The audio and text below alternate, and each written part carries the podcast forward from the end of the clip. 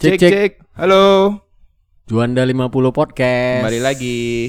Episode kali ini Kita udah kedatangan seorang bintang tamu ya, Bintang tamu yang eh, Profesi nih bang kali ini profesi. Masih Ahli pertemanan juga. Iya pertemanan juga Yang ahli di bidang hukum Hukum. Dia seorang pengacara. Pengacara muda Sih.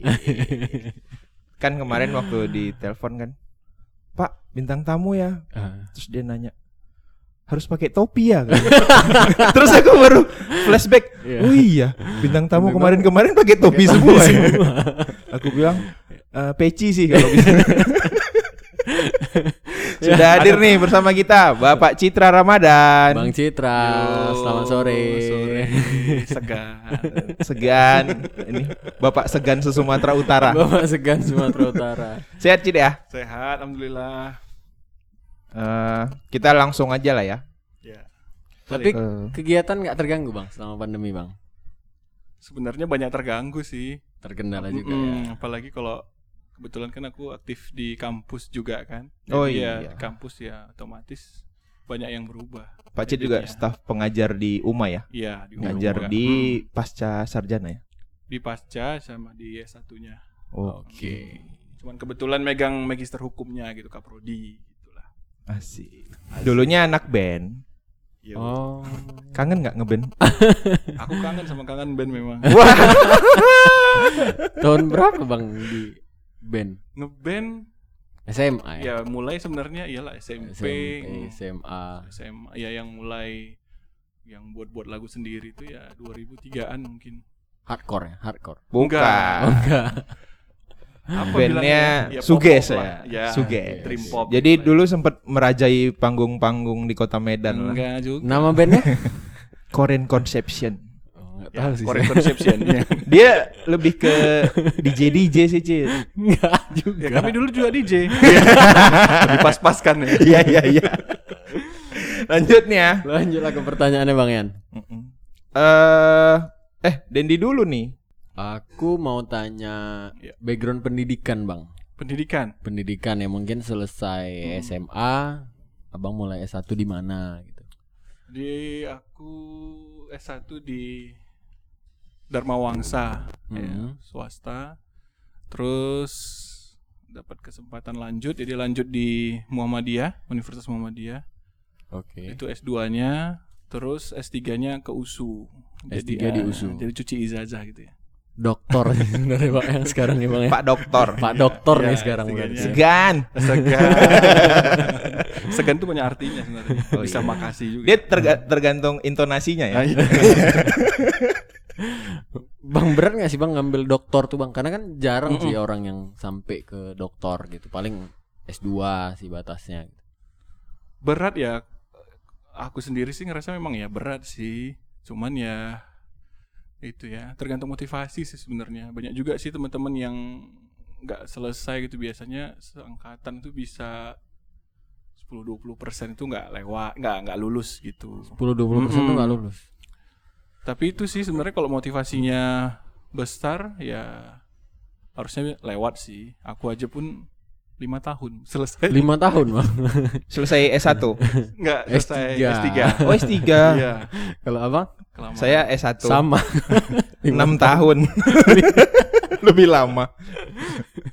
Jadi Cid, total eh, nge- dari S1 digabung sampai ke S3 sekolah berapa tahun, Cid?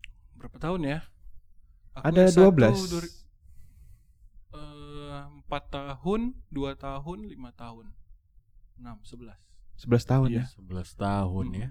Ngalah-ngalahin dokter sih itu. Iya.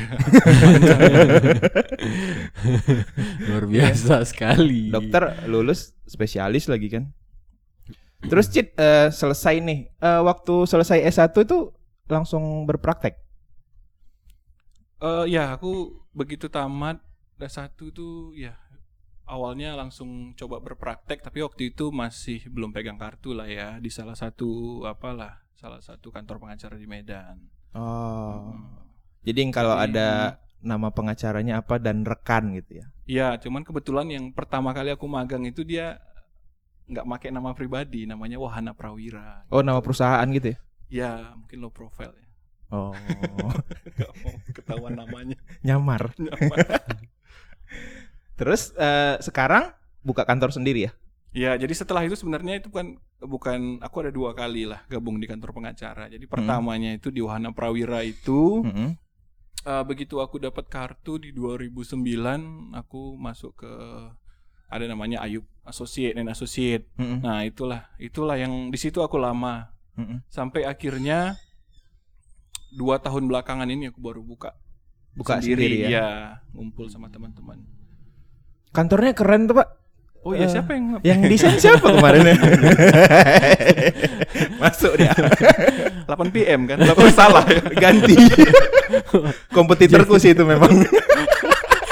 8 PM. 8 PM. Apa Naim dong. Iya. Bang kartu tadi kartu apa sih bang? Maksud abang tadi sempat disebut belum dapat kartu. Oh iya. Jadi kan ada license lah ya. Oh, Ah, sejenis license. Iya maksudnya kartu itu ya kartu KTA kalau kami kartu tanda Ah, ah, advokat ah. itulah. Oh. Dapat license itu. Jadi kalau udah pegang license itu udah Baru bisa boleh. berpraktek buka sendiri ya. Baru ber- boleh beracara di pengadilan. Oh gitu. Ah, Iya. Panjang juga ya ininya prosesnya. Itu yang sumpah Hmm. advokat itu gitu ya bang? Iya. Ah. Jadi sebenarnya kalau eh, mau cerita proses advokat itu dia harus belar- berlatar pendidikan sarjana hukum, eh, apa hukum sebenarnya. Tapi nggak mesti sarjana hukum bisa bisa jadi misalnya SHI gitu ya. Kalau Ah. dulu Dr. Andes gitu ya, sarjana hukum Islam itu bisa juga. Setelah itu kita diwajibkan eh, ikut PKPA namanya pendidikan khusus profesi advokat. Ya. nah, pernah setelah itu harus magang 2 tahun. di kantor pengacara. Iya, ada Aha. saya eh, aku lupa pasti ininya sih. Cuman sekitar harus megang enam perkara perdata, tiga perkara pidana gitu. Aku lupa tuh buat Oke. laporan. Oh, ada Buat laporan Mm, ini selama juga dua tahun ya? itu ngapain aja? Iya. Iya. Apa jam terbang lah ya? Iya, iya, Mm-mm. harus harus ada. Barulah bisa disumpah. Nah, Sumpah. setelah disumpah itulah baru dapat kartu. Hmm. Jadi kalau pengacara sendiri bang, kalau notaris yang aku tahu harus minimal sekarang S2 nih. Kalau si pengacara sendiri juga gitu bang?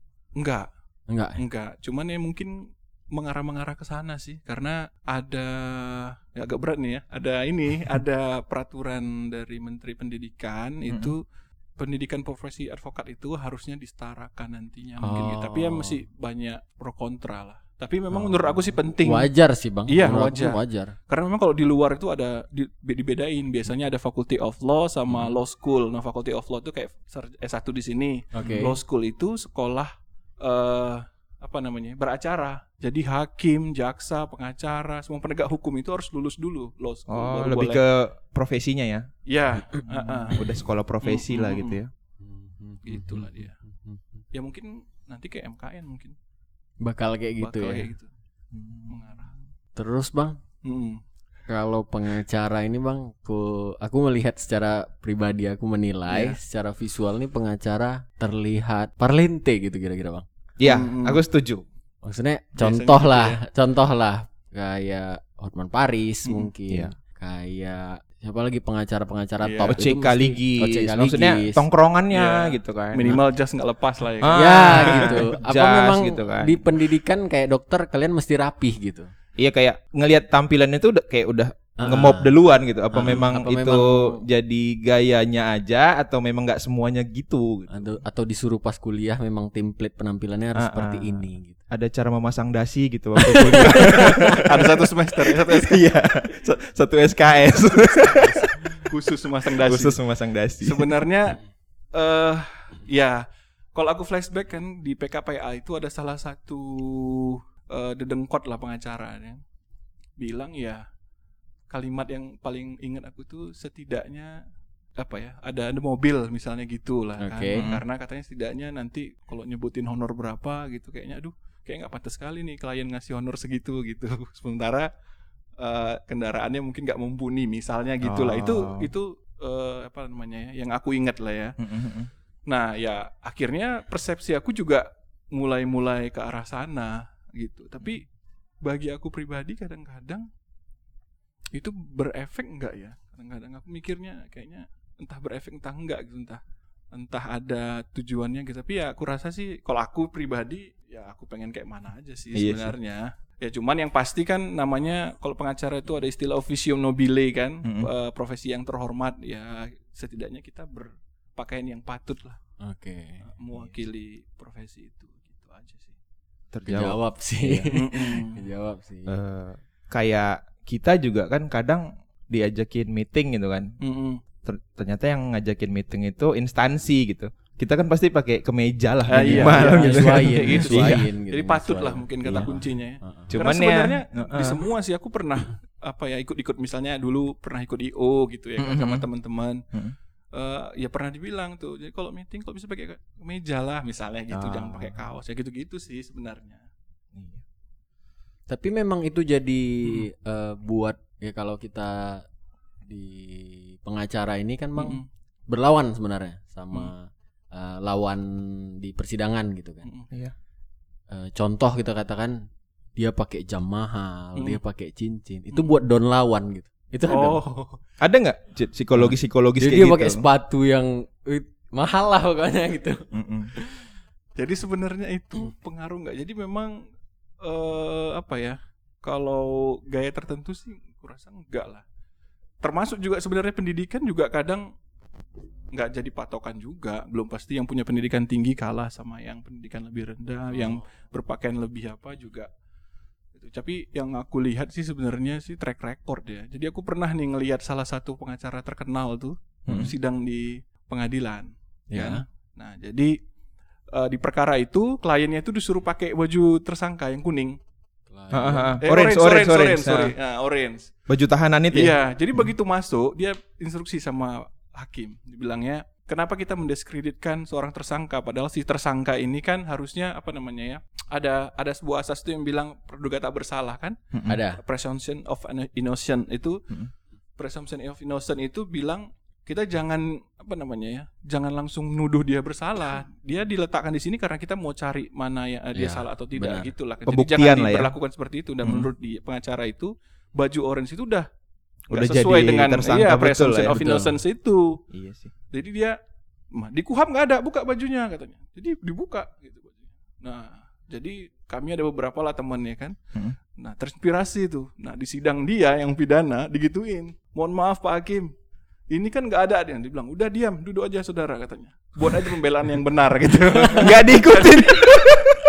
Jadi ma- malah bukan sama pengacara lawan, sama penegak Hakimnya. hukum lain juga. Ya itu ya itu track record, tapi ini memang pengacara gede kali lah. Lebih, jadi dia udah disegani lah Udah gitu disegani. mungkin ya. Oh, Berpengaruh gitu. juga berarti. Nah kita nggak pernah Iya, tahu kan iya. cerita-cerita gini. Dan itu eh, bukan kantor ya, itu orang pribadi. Karena kalau aku pribadi juga pernah berperkara dengan pengacara besar gitu lah kan. Hmm.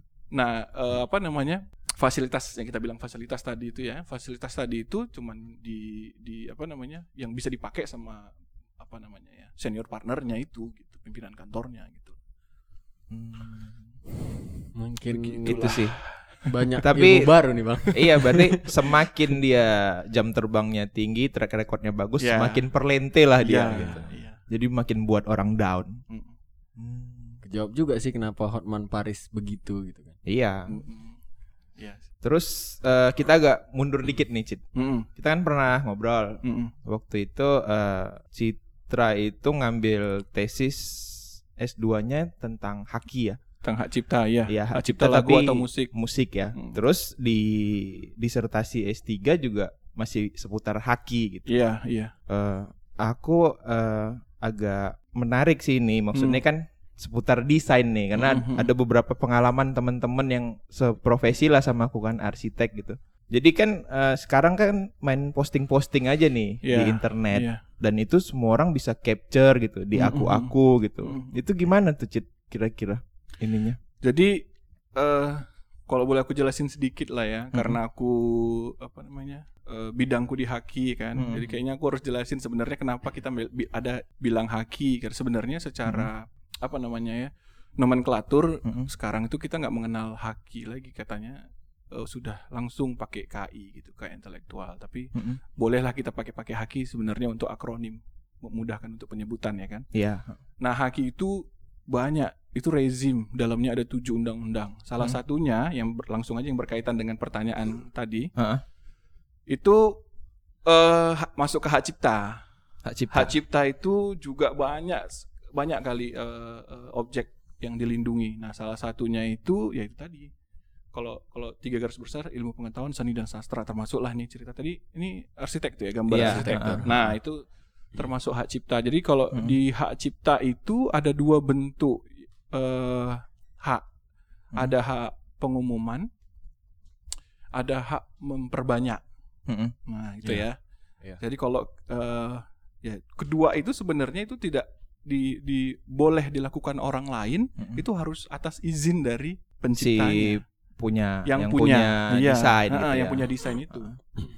Jadi kalau kayak yang kasus ada temenku itu kayak diambil Mm-mm. eh, 3D-nya dia, Mm-mm. diambil terus ada orang lain Mm-mm. bilang eh, jasa arsitek desain eh, sekian gitu kan. Mm-mm. Terus fotonya itu Iya. foto temenku itu dia nggak tahu sampai akhirnya ada temen-temen kan eh, tahu lah gitu di DM ke dia ini desainmu nih dipakai ini akhirnya Hmm. dia DM langsung Iya. ya akhirnya sih minta maaf sih itu si orang yang ngeklaim itu cuman maksudnya eh, kayak aku lah gini aku ada suka desain gitu di misalnya ambillah di Pinterest gitu kan Mm-mm. terus aku ambil terus aku post ulang nih di Instagramku Instagram, ah. gitu kan cuman Iya. aku nggak bilang itu karyaku gitu cuman Mm-mm. referensi gitu Iya. itu bisa kena nggak Nah, eh, jadi memang kalau bicara hak cipta itu unik itu dari tujuh itu memang hak cipta itu paling unik.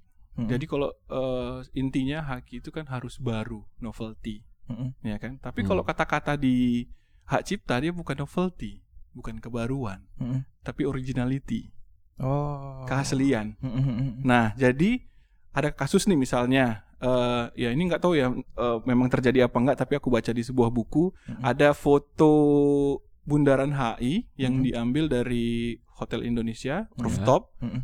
Terus ada fotografer lain tuh, wih ini kayak keren nih. Nah, terus dia besok ke sana. Diambil juga di Diambil. spot yang sama. Nah, itu itu tidak termasuk pelanggaran.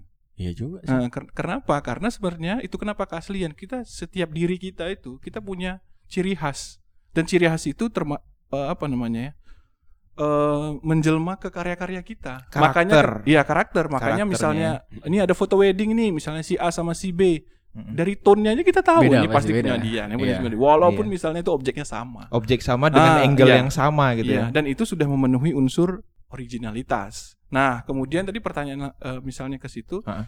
ini ada foto yang sama nih, aku umumkan misalnya. Mm-mm. Nah, misalnya aku ambil ini betul-betul punya dia. Hmm, Nah, jadi syaratnya itu kegiatan pengumuman atau perbanyakan itu jangan mendatangkan kerugian secara material bagi orang Oh. lain. Udah gitu syaratnya lai- syarat lainnya Hmm. dalam pengumuman itu harus mencantumkan nama. Wow. Makanya kalau di, kita lihat di lagu misalnya lagu di TV diciptakan oleh, dipopulerkan oleh, diciptakan Oh itu iya, bagian ada, dari ada, hak ada, cipta. ada, ada. Ya. Ah. Dipopulerkan bagian dari hak terkait dengan hak cipta. Oh, Oke, berarti kalau aku oke. mau gitu amannya gitu Buat source, gitu Iya, atau eh, Iya. ininya dari Pinterest gitu source-nya gitu tapi harus dipastikan Atau itu courtesy itu nggak gitu mendatangkan keuntungan buatmu. oh gitu Mm-mm. Karena sebenarnya dari kata mengumumkan ini juga nggak ada parameter yang jelas dalam undang-undang. Mm-mm. Kalau boleh cerita lebih panjang nih. Iya Hmm. boleh boleh Hmm. Misalnya ini hak mengumumkan, hak mengumumkan itu jadi mendatangkan kerugian langsung maupun tidak langsung. Mm-mm. Ada dua frasa di situ ya kan. Iya. Yang tidak langsung itu berarti kegiatan misalnya kalau lagu nih misalnya kan Heeh. di hotel-hotel. Hotel itu kan Iya. sebenarnya bukan jual lagu dia. Bukan itu komoditinya. Tapi Mm-mm. kemudian dia menggunakan itu untuk menarik. Misalnya atau kafe. Mm-mm. Kafe itu punya konsep tersendiri, Iya. ya kan? Heeh. Misalnya eh, konsepnya industrial ya pasti musiknya yang mendukung itu. nggak mungkin dia misalnya lagu dangdut misalnya gitu. Itu kan ya nggak Nah, nyambung Itu dianggap itu dianggap sudah eh, apa melanggar. Oh. Nah, ad- yang itu yang tidak langsung, yang kalau yang langsung ya udahlah ya yang jadi komoditi misalnya karaoke itu kan komoditinya memang lagu. Nah, itu Oh. langsung. Nah, itu. Jadi Kayak- meskipun dia membuat nama, ya dia tetap harus punya izin. tetap izin ya karena Iya. eh, itu disiarkan lah gitu kan Mm-mm. ke banyak orang gitu berarti ya. Ya. Ya jadi kayak contoh simpel nih logo satu band gitu. Ya. Kita bilang lah. Metallica gitu kan. Mm-mm. Terus kita buat eh, sarung bantal nih. Mm-mm. Main comot aja nih logo Metallica, Ya, print, jahit jadi sarung bantal. Itu udah pelanggaran kita pelanggaran. eh, sah lah itu ya. Sah. Karena kita kan eh, apa namanya? nyari duit di situ kan. ya, ya apalagi Tapi- itu kan. Hmm. Mau minta izin ke Metallica-nya gimana? Ya itu dia memang ya. jadi kalau misalnya lagu atau musik kan ada ada satu skema. Nah, eh, jadi biasanya itu pemusik-pemusik di setiap negara itu kasih kuasa ke satu eh, institusi lah atau lembaga Hmm. Iya. ya. Heeh. Jadi lembaga lembaga-lembaga ini mewakili setiap negara itu ada lembaga internasionalnya. Hmm. Jadi misalnya Mac- kita bilang aja lah misalnya Michael Jackson tuh ya, ngasih kuasa ke eh, namanya Caisak satu Hmm. lembaga. Nah, Caisak ini Hah?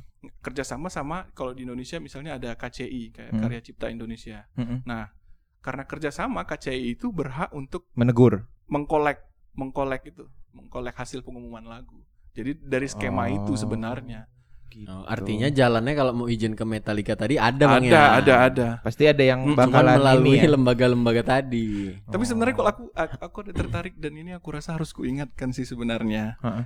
Karena hukum itu tidak memberikan parameter yang jelas untuk ngambil keuntungan. Aku pernah pernah bertanya gini nih di satu forum Hmm. akademis kutanya, Hmm. kalau memang menguntungkan tidak langsung, secara tidak langsung, berarti kalau aku lagi naik angkot, angkot itu lagi muterin, berarti juga angkotnya harus di harus bayar royalti, Iya. ya kan? Kan misalnya dia gitu. dibawa karena penumpang. karena karena nggak ada parameternya. Iya juga. Iya. Iya. Jadi ada satu teori sebenarnya dalam dunia akademis itu yang eh, sudah mulai diterapkan tapi di pengadilan Amerika namanya Hmm. the minimis theory. The minimis theory itu hal yang remeh temeh, nggak usah lah dibawa ke pengadilan. Iya, yang Gitu. Toh- kayak gitulah. Toh juga si Metallica mungkin ter ya mungkin Metallica nggak nggak perlu promosi ya, tapi misalnya band-band baru mungkin dengan dibuat bantal itu Ya membantu dia seneng-seneng promosi aja gitu sebenarnya Iya, gitu. iya. Jadi jadi merchandise ku nih gitu. Ah iya kan sebenarnya gitu sih. Jadi kalau yang kecil-kecil kayaknya nggak usah di terlalu diperdebatkan lah gitu. Tapi bang, aku Hmm. penasaran juga nih sama yang di pertanyaan dari bang Rian tadi bang. Hmm. Hmm. Eh, izin untuk kita pub- publish lagi desain eh, punya orang gitu. Mm-mm. Tapi posisinya bang Rian nih punya karya. Mm-mm. Karya ini nggak dihak cipta nih sama bang Rian. Mm-mm. Ada Oke. arsitek Menarik lain, juga nih. ada arsitek lain yang Hmm. make karya ini. Bang Rian nggak bisa nuntut dong. Ya, jadi eh, tadi sebenarnya kata-kata unik aku terhadap hak cipta itu masih banyak lagi gambarannya. Nah, salah satunya hak cipta ini nggak perlu didaftar. Nggak perlu didaftar. Iya, stelsel perlindungan si hak cipta ini. Jadi kalau yang lain itu kan eh, first to file. Asumsi hukum first to file itu orang yang pertama kali pemilik adalah orang yang pertama kali mendaftar. Itu untuk merek, paten. Nah, Iya. khusus untuk hak cipta itu dia first to use namanya.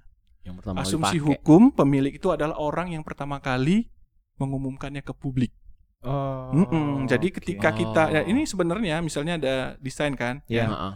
jadi kau bikin di Instagrammu, Iya. nah sejak kau posting itu, Mm-mm. itu otomatis protection hak cipta itu Oh. melindungi. Cuman masalahnya ketika hak itu dilanggar, mau membuktikan kan eh, pembuktian itu kan harus eh, yang paling kuat itu kan akta otentik. Iya. Nah, kelebihannya di situ kalau misalnya kita nah kalau di hak cipta ini bukan pendaftaran namanya pencatatan.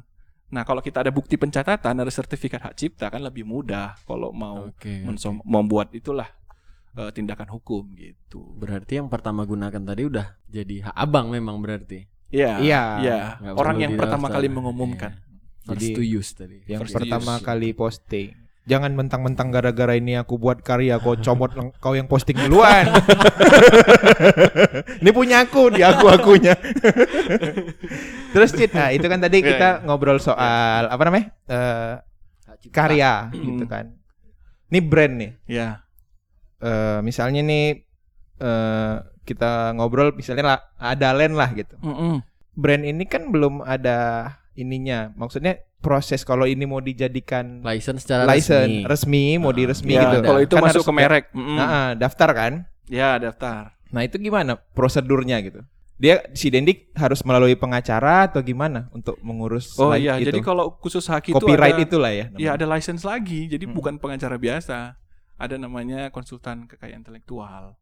Nah itu kita harus punya license dari salah satu direktorat yang ada di Kementerian Hukum dan HAM, namanya Direktorat Jenderal Kekayaan Intelektual di JKI. Mm-mm. Nah itu sebenarnya boleh. Jadi semua sebenarnya eh apa namanya tindakan hukum bisa dilakukan oleh subjek hukum termasuk kita di sini boleh langsung atau diwakili. Diwakili. Iya. Oh. Jadi sebenarnya boleh sendiri.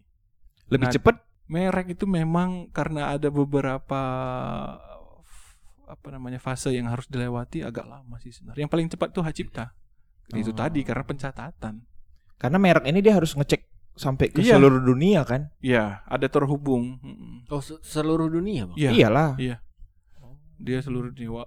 Kita kan nggak tahu di Brazil ada Adalen juga. Toto pas daftar, bos udah ada nih Adalen di Brazil.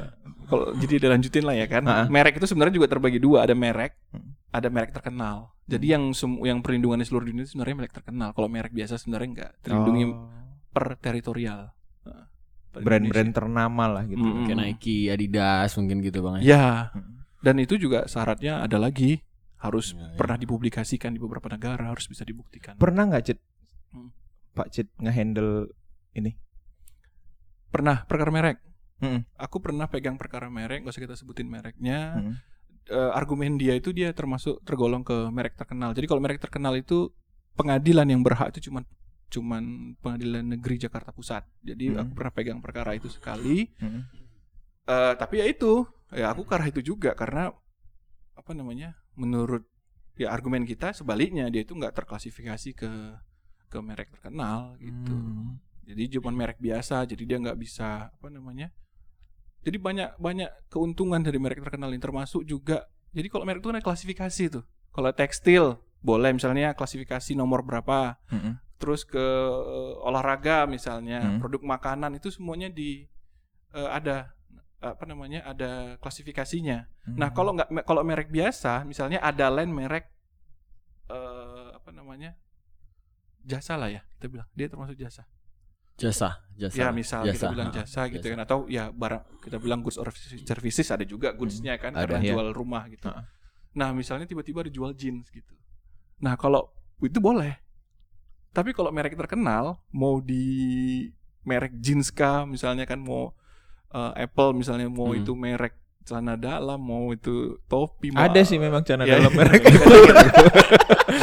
nah itu kalau kalau merek terkenal nggak boleh melewati klasifikasi. Oh gitu. Oh. Jadi kalau Gitu. ada lain walaupun udah terdaftar lah gitu, maksudnya tercatat gitu. Mm-mm. Terus tiba-tiba ada kayak jeans tadi tiba-tiba, Ah, ada lain jeans gitu. Iya. Itu nggak masalah berarti.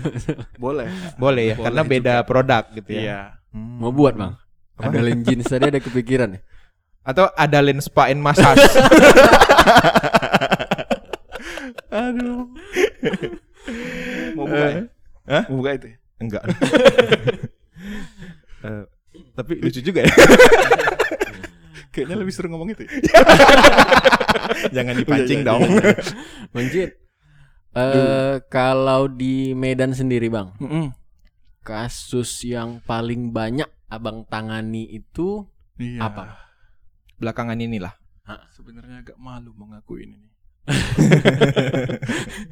Jadi memang aku tuh kalau bisa dibilang kalau boleh lah membanggakan diri mungkin expertnya tapi nggak boleh tapi ya secara akademis aku memang harus Iya. bertanggung jawabkan Iya. itu kan aku Iya. tuh expert haki gitu Hmm. cuman perkara haki mungkin aku bisa pegang tuh belum eh apa bisa hitung pakai jari paling nggak 10 kali belum belum ada nah selebihnya ya campur karena ada istilah palu gada kalau di sini Den Iya. pengacara di Medan iya, tuh iya. apa lu mau gua ada gitu. jadi gak ada itunya jadi Kayaknya bukan bukan cuman pengacara. Semua, semua ya yang pokoknya kalau ditanya bisa gitu Iya, bisa aja dulu. Bisa. Masalah ini nanti, gitu.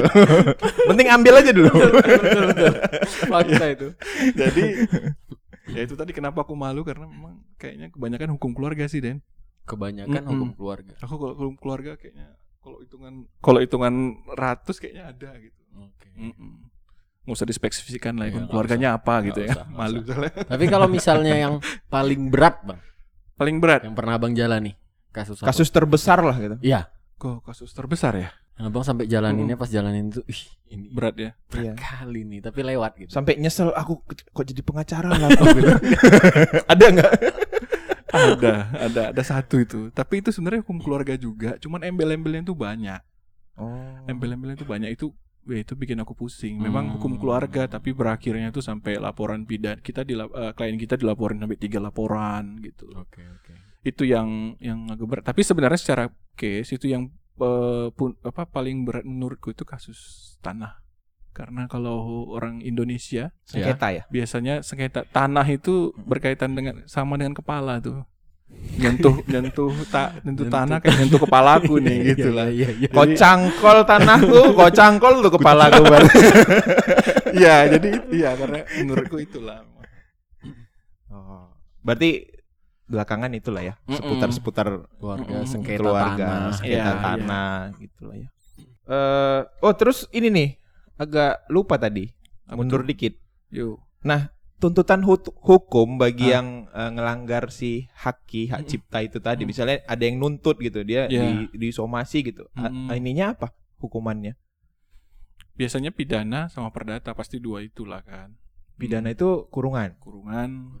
Biasa kalau pidana ada du- dua, ada pidana denda, ada pidana penjara ya. kan. Satu lagi eh, biasanya tuntutan ganti kerugian perdata. Ada dua. Itu aku agak kurang paham sih. Kerugian itu gimana? Kerugian yang kita timbulkan ke merek yang kita iniin gitu. Mm-mm. Jadi apa ya? Kalau contohnya tuh misalnya ini pernah misalnya case tapi bukan merek nih nggak apa ya? nggak apa-apa. Nggak. Jadi misalnya dulu pernah ada case itu yang pegang tuh ada satu ya klien kita misalnya ah, klien kami bank gitu kan, Mm-mm. klien kita bank. Iya. Terus ada satu orang tuh pengusaha mobil apa? Eh, jual beli mobil. Showroom, Dealer, showroom. dealer. Ya, jadi Dealer. dia waktu dia beli ngambil mobil dari dealer lain, Hmm. eh, eh, gironya itu di pop.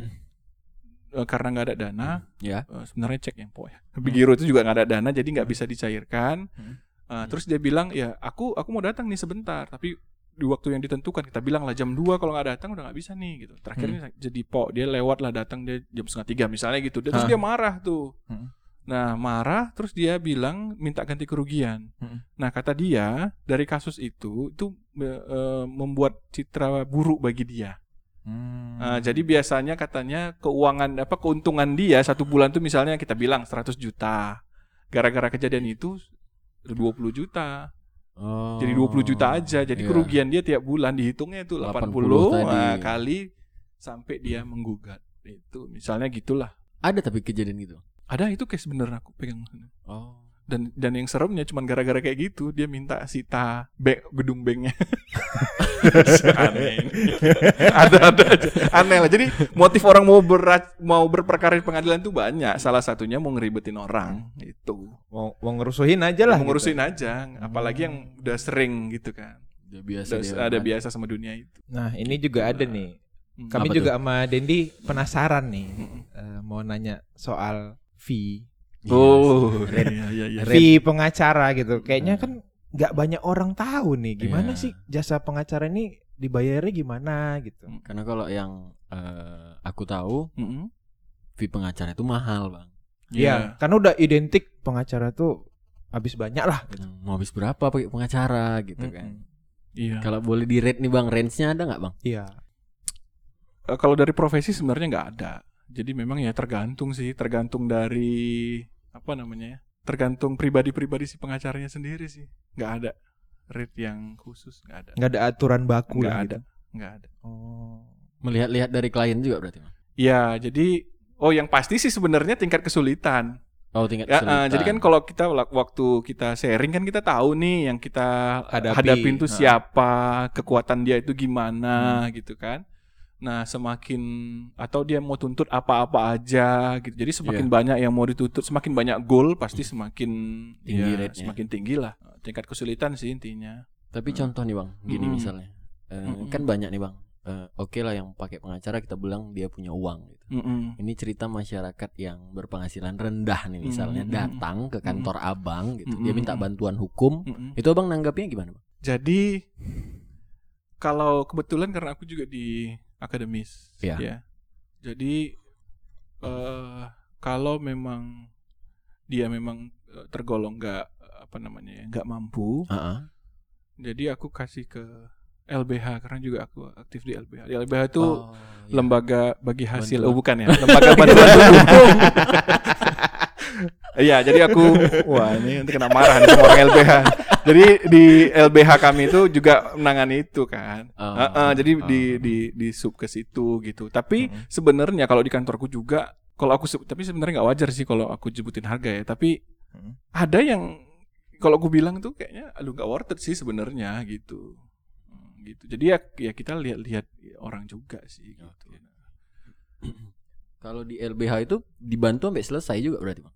Ya, sampai selesai. Sampai selesai Mm-mm. juga. Jadi di sana itu kan biasa eh, sama sih sebenarnya aku sekarang itu dibantu sama mantan-mantan mahasiswaku dulu kan. Ya. Karena kebetulan aku dari 2012 sudah mulai eh, ngajar jadi apalah ya banyak mahasiswa yang udah terjun. Nah di LBH itu juga mahasiswa-mahasiswa itu tapi Oh. dipantau sama senior-senior Iya, iya, iya, gitu. iya, Dan iya. mahasiswa itu di LBH itu mahasiswa itu diberikan kayak license-nya pengacara tapi Uh-uh. selama dia di situ ya boleh boleh gitu mendampingi. Tapi gitu. tetap dimentorin lah ya. tetap harus dimentorin itu nggak boleh. Dan si LBH nggak dapat uang. Jadi kalau LBH itu sebenarnya kan ada dana bantuan. Oh iya, yang dimanfaatin ya dari dana Dari bantuan itu. bantuan pemerintah Ah, ah, ya? Iya. iya. Oke. Tapi sebenarnya kami ya aku sendiri sih sebelumnya belum pernah aku sampai yang menolak eh, apa namanya menolak klien tuh gara-gara alasan itu nggak pernah nggak pernah. Jadi Hmm. memang itu nggak boleh sebenarnya jadi alasan. Gitu sih. Ngeles. Ya, Jawaban yang sangat bijaksana. Terus Cit, eh, harapan ke depan lah nih, Pak Hmm. Cit pribadi untuk profesi Mm-mm. gitu, ke depannya. Aduh. Aku kalau cerita Tapi boleh dipotong dulu sebelum harapan. Oh, iya. Apa tuh? Biar nggak mundur lagi nanti. Oh iya iya. Ada satu yang masih jadi keresahan aku nih. Kalau di kami bang di aku atau Iya. mungkin bang Rian Mm-mm. gitu, promosi kami kayaknya kayak jualan produk Oh, yang lain kan. mm-mm. Nah, kalau di pengacara sendiri itu ada nggak sih bang strategi marketing gitu? Nah, apa pasang iklan di baliho gitu? iya. Atau di Instagram mah iklan gitu kan? iya. Jadi kalau pengacara itu nggak boleh mengiklankan diri. Itu Sorry sorry, ada yang kejedut barusan.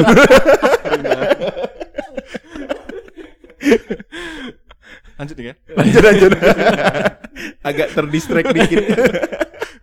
itu tadi ya. Jadi sebenarnya nggak boleh mengiklankan. Jadi kalau aku ceritain pun gimana triknya, itu sebenarnya aku berarti menyeludupkan hukum. Tapi Oh. kalau aku boleh, ya kita kan ngobrol-ngobrolnya kan nggak terlalu serius ya kan.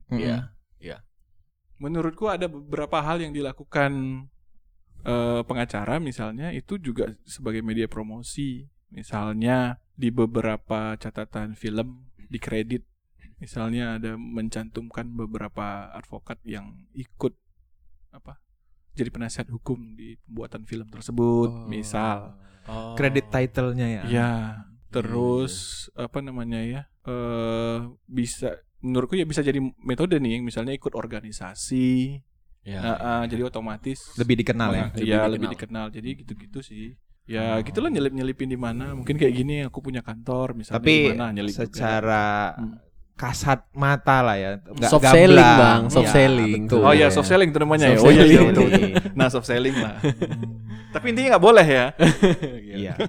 Cuman itu eh, ya nyelip-nyelip lah gitu Iya. kan. Tapi nggak boleh. Aduh, tidak terjawab ya. Jadi intinya nggak boleh ya? Nggak boleh. Nggak ada sekali boleh ngiklan boleh. ya? Iya, nggak boleh mengiklankan. Atau bisa Apa pun nanti kan bentuknya nggak boleh. ya, Bang.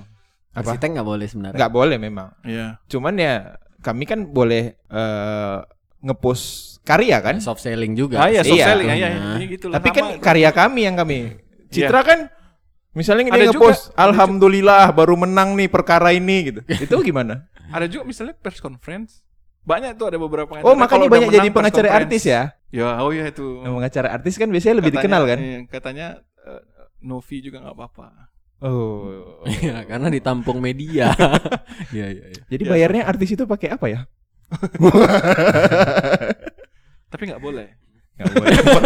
Itu ya. iya iya Cid iya nggak boleh kalau gitu pun nggak boleh misalnya lagi di persidangan Pak Cid foto gitu alhamdulillah menang kasus ini gitu Menurutku sih sem- bentuk semua marketing itu nggak boleh. Oh. gitu. itu malah jatuhnya alay ya. Iya lah, Bang. Alhamdulillah gitu. Aku pun Citra kok gini kan ya? ya aku ada ya. Misalnya. Iya, Tapi nggak boleh. Balik lagi lah nih ke harapan ke depan nih Yes. Hmm. untuk Pak Cit. Oh iya Citra juga suami istri loh ini. Istrinya Oh notaris. iya, iya. Kebetulan buka di kantor sama Satu kantor ya bareng ya. kantor. Jadi itu Apa tuh? harapan tadi Oh harapan ini. nggak boleh juga. Gak boleh. Dengan ada yang sama. Gak boleh. Segan. Harapan sebenarnya eh tadi aku udah ngobrol-ngobrol juga lah tadi. Ngobrol-ngobrol sebelum open mic eh open mic namanya. Open mic. Open mic kayak mau stand up Oh iya, comedy. Jadi sebelumnya aku udah ngobrol tuh. Jadi eh yang paling berat itu menurutku jadi pengacara itu kadang-kadang kita terdegradasi dengan itu kan, dengan iming-iming materi materi yang gede gitu. Mm-mm. Sampai kadang-kadang di perjalanan tuh lupa eh, sebenarnya ngapain sih dulu awalnya gitu. Niat nah, awalnya. iya, salah satu aku salah satu niatku dulu yaitu ada beberapa saudara family yang aku dengar ber itu tapi nggak bisa dibela gitu kan. Jadi aku Hmm. pikir nih seru juga nih eh, bisa bantuin keluarga misalnya gitu. Itu Hmm. awal-awalnya. Tapi kemudian tapi itu tadi kan karena terdegradasi Mm-mm. Nah, jadinya takutnya itulah ya. Jadi ya individualis itu tadi. Nah, jadi sebenarnya harapan ke depan sih pengennya eh semua pengacara, semua penegak hukum gitu kalau eh, dapat perkara itu ya jangan anggap jadi apa namanya itu ya. Jadi Komersial. Heeh, jadi bukan apa nama istilahnya itu bukan tender apa namanya ya gitulah ya kan bukan ya intinya nggak bukan komersil jadi tetaplah kita itu dalam perkara itu intinya itu mau cari apa namanya ya cari Kebenaran. kebenaran gitu keadilan misalnya gitulah memang sih kayaknya klise tapi menurutku ya kita harus kayak gitu jadi kita sebenarnya bersama-sama untuk itu bukan Ya, dapat Sama-sama lah aku nih menegakkan hap- ini. aku kau pegang aku pegang kau gitu misalnya kau jadi klien aku aku harus bela kau apa pun acara eh, caranya gitu lah jadi intinya sebenarnya semangat komu- komunal itu yang harus di, di dikuatkan lah gitu Setuju. Komunal. Hmm. itu juga salah satu alasan kenapa mau ke kampus karena kampus bantu aku ingat-ingat yang kayak gitu Amal Iya jariah juga ya. Terrewind lagi soalnya pengen iya pelajari, oh iya aku dulu mau gini ya gitu lah sok kali ya Eh, tapi keren sih.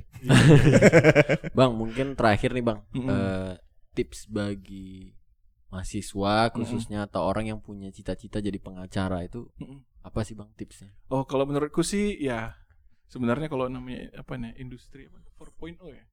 4.0 oh iya. Betul. Jadi kalau aku sih bilang sih peningkatan skill sih. Jadi Peningkatan pengacara yang setiap hari bawa berkas banyak-banyak gitu kan mau beracara ke pengadilan aku rasa sebentar lagi punah tuh. Jadi walaupun kita pengacara bicara pengacara skill. Heeh. kita harus eh ya punya skill khusus gitu. Misalnya kalau pengacara itu ada pengacara khusus pajak, pengacara khusus eh, pilot ya perusahaan iya. gitu Dia corporate. punya genre-genre ya. Ya, kak aku misalnya aku memang belum punya license untuk KI Hmm. tapi ya Hmm. dispesifikkan ini untuk ke KI misalnya Oke, gitu. oke. Jadi kalau misalnya kita nggak punya spesifikasi khusus, kayaknya nggak bakal maju lagi sekarang karena udah terlalu banyak pengacara. Hmm. Jadi nggak bisa palu gada lagi ya. Nggak bisa palu gada lagi. Harusnya nggak bisa palu gada. Ya itu sebenarnya kenapa kalau kita lihat tuh pengacara itu ada associate kan. Nah itu sebenarnya itu ya bisa gabung-gabung kan. Aku sendiri Iya. kalau ada perkara yang aku nggak ini nggak aku tahu. Aku, Collapse ya. iya, collapse, iya collapse. Bahasa YouTube-nya collapse. Gitu. Citra Ram Citra Ramadan X of White gitu. bisa juga itu. Iya keren. Nanti dibuat kop suratnya gitu ya. X of White X Supreme lagi. Banyak. Nyebutin merek boleh. Oh, boleh, boleh, boleh. ya, siapa tahu kita di endorse sama Off Supreme. white gitu. Oh iya iya iya. Ya minimal Oreo-nya lah. Mahal kali Oreo kan. 500 Oreo ribu. Supreme. 500 ribu harga. Nggak masuk akal. Tapi intinya tidak boleh ngiklan. Iya, iya. Itulah dari inti iklan. percakapan kita hari ini. Iya. Dari sekian panjang, tetap intinya tidak boleh ngiklan. Punya spesifikasi khusus kejawab sih semuanya, Bang. Iya.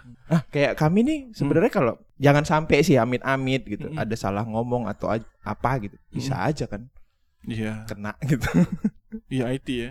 Jadi memang kalau ngeliat undang-undang IT itu eh, ITE, ITE. ITE itu ya kita jadi nggak bisa ngapa-ngapain sih Sebenarnya. sebenarnya karena Jadi- semuanya itu karena normanya itu kesusilaan.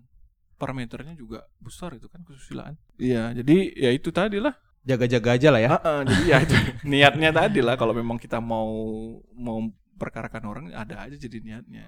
Iya sih. Gitu. Tadi the minimis the minimis teori yang remeh-temeh nggak usah dipermasalahin lah. Tapi kan nggak semua orang bisa begitu gitu. Iya sih. Iya. Tergantung tipikalnya. Kalau yang panasan kan Hmm. nggak bisa nih. harus minta maaf di koran 3 per 4 Iya, ya. nggak bisa dia Koran harus anak. harus nyembah kakiku. gitu. Iya iya ada sih gue baca di koran dulu gitu. Permintaan, Permintaan maaf. maaf. Iya, itu banyak. Permintaan itu berarti bang ya? Permintaan maaf. Seru sih. Iya, Seru. permohonan maaf ya gitulah. Begitulah. Tapi ya kita nggak khawatir sih. Kita kan punya penasihat Citra, hukum iya. Pak Citra Kalau ada yang gini ya paling nggak boleh telepon ya bang ya. Iya. dan boleh telepon. nggak diangkat rupanya. Alah, Si nanya aja ini. ngapain sih? Ganggu aja. Aku udah nggak pengacara lagi sekarang. Aku udah jadi vokalis. jadi ya itulah. Terasa Ya. bang ya, udah Nggak mau terasa. 50 menit. Iya, udah mau 50 menit kita Oh, ngobrol. ya. Pak Cit, makasih ya Makasih banyak ke sini. Sukses Infonya, ilmunya. Iya. Iya, sama-sama. Sama makasih nih buat Odo. Oh do hari ini Oh iya, ngirim sudah kembali. Terima kasih Odo. Terima kasih. Oke, Juanda 50 podcast. Bye. Bye bye.